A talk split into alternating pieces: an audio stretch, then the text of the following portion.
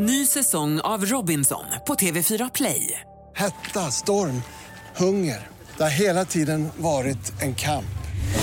Nu är det blod och tårar. Fan händer just nu. Det. är Detta är inte okej. Robinson 2024, nu fucking kör vi! Streama söndag på TV4 Play.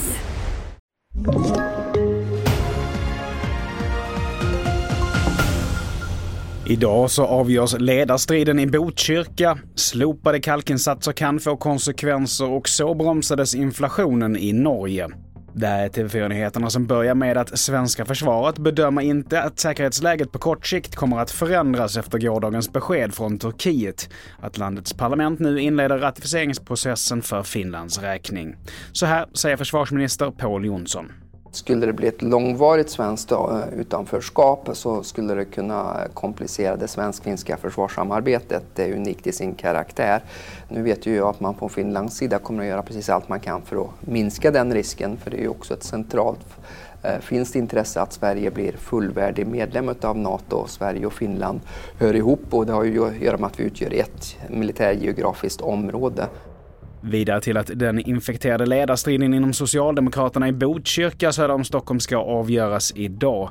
Under förmiddagen hålls ett årsmöte där medlemmarna ska utse en ny gruppledare som också blir kommunstyrelsens ordförande. Den tidigare gruppledaren Ebba Östlin röstades bort i januari och valberedningen har föreslagit en annan kandidat. Så vidare till att stora kostnadsökningar tvingar nu flera länsstyrelser i Sverige att dra ner på sina kalkinsatser.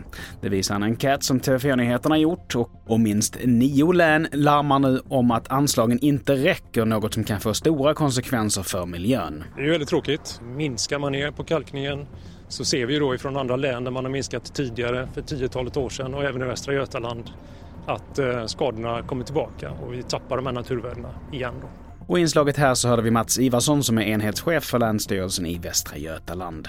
Så till sist till Norge, där en lågpriskedja valde att frysa matpriserna i början av februari. Kedjan kommunicerade dock inte ut planerna i förväg, vilket gjorde att marknaden överraskades och konkurrenterna tvingades att snabbt följa efter. Och resultatet blev att inflationen bromsade in i februari. Fler nyheter hittar du på tv4.se. Jag heter Mattias Nordgren.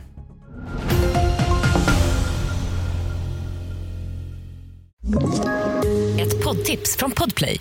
I podden Något Kaiko garanterar östgötarna Brutti och jag, Davva, dig en stor dos skratt.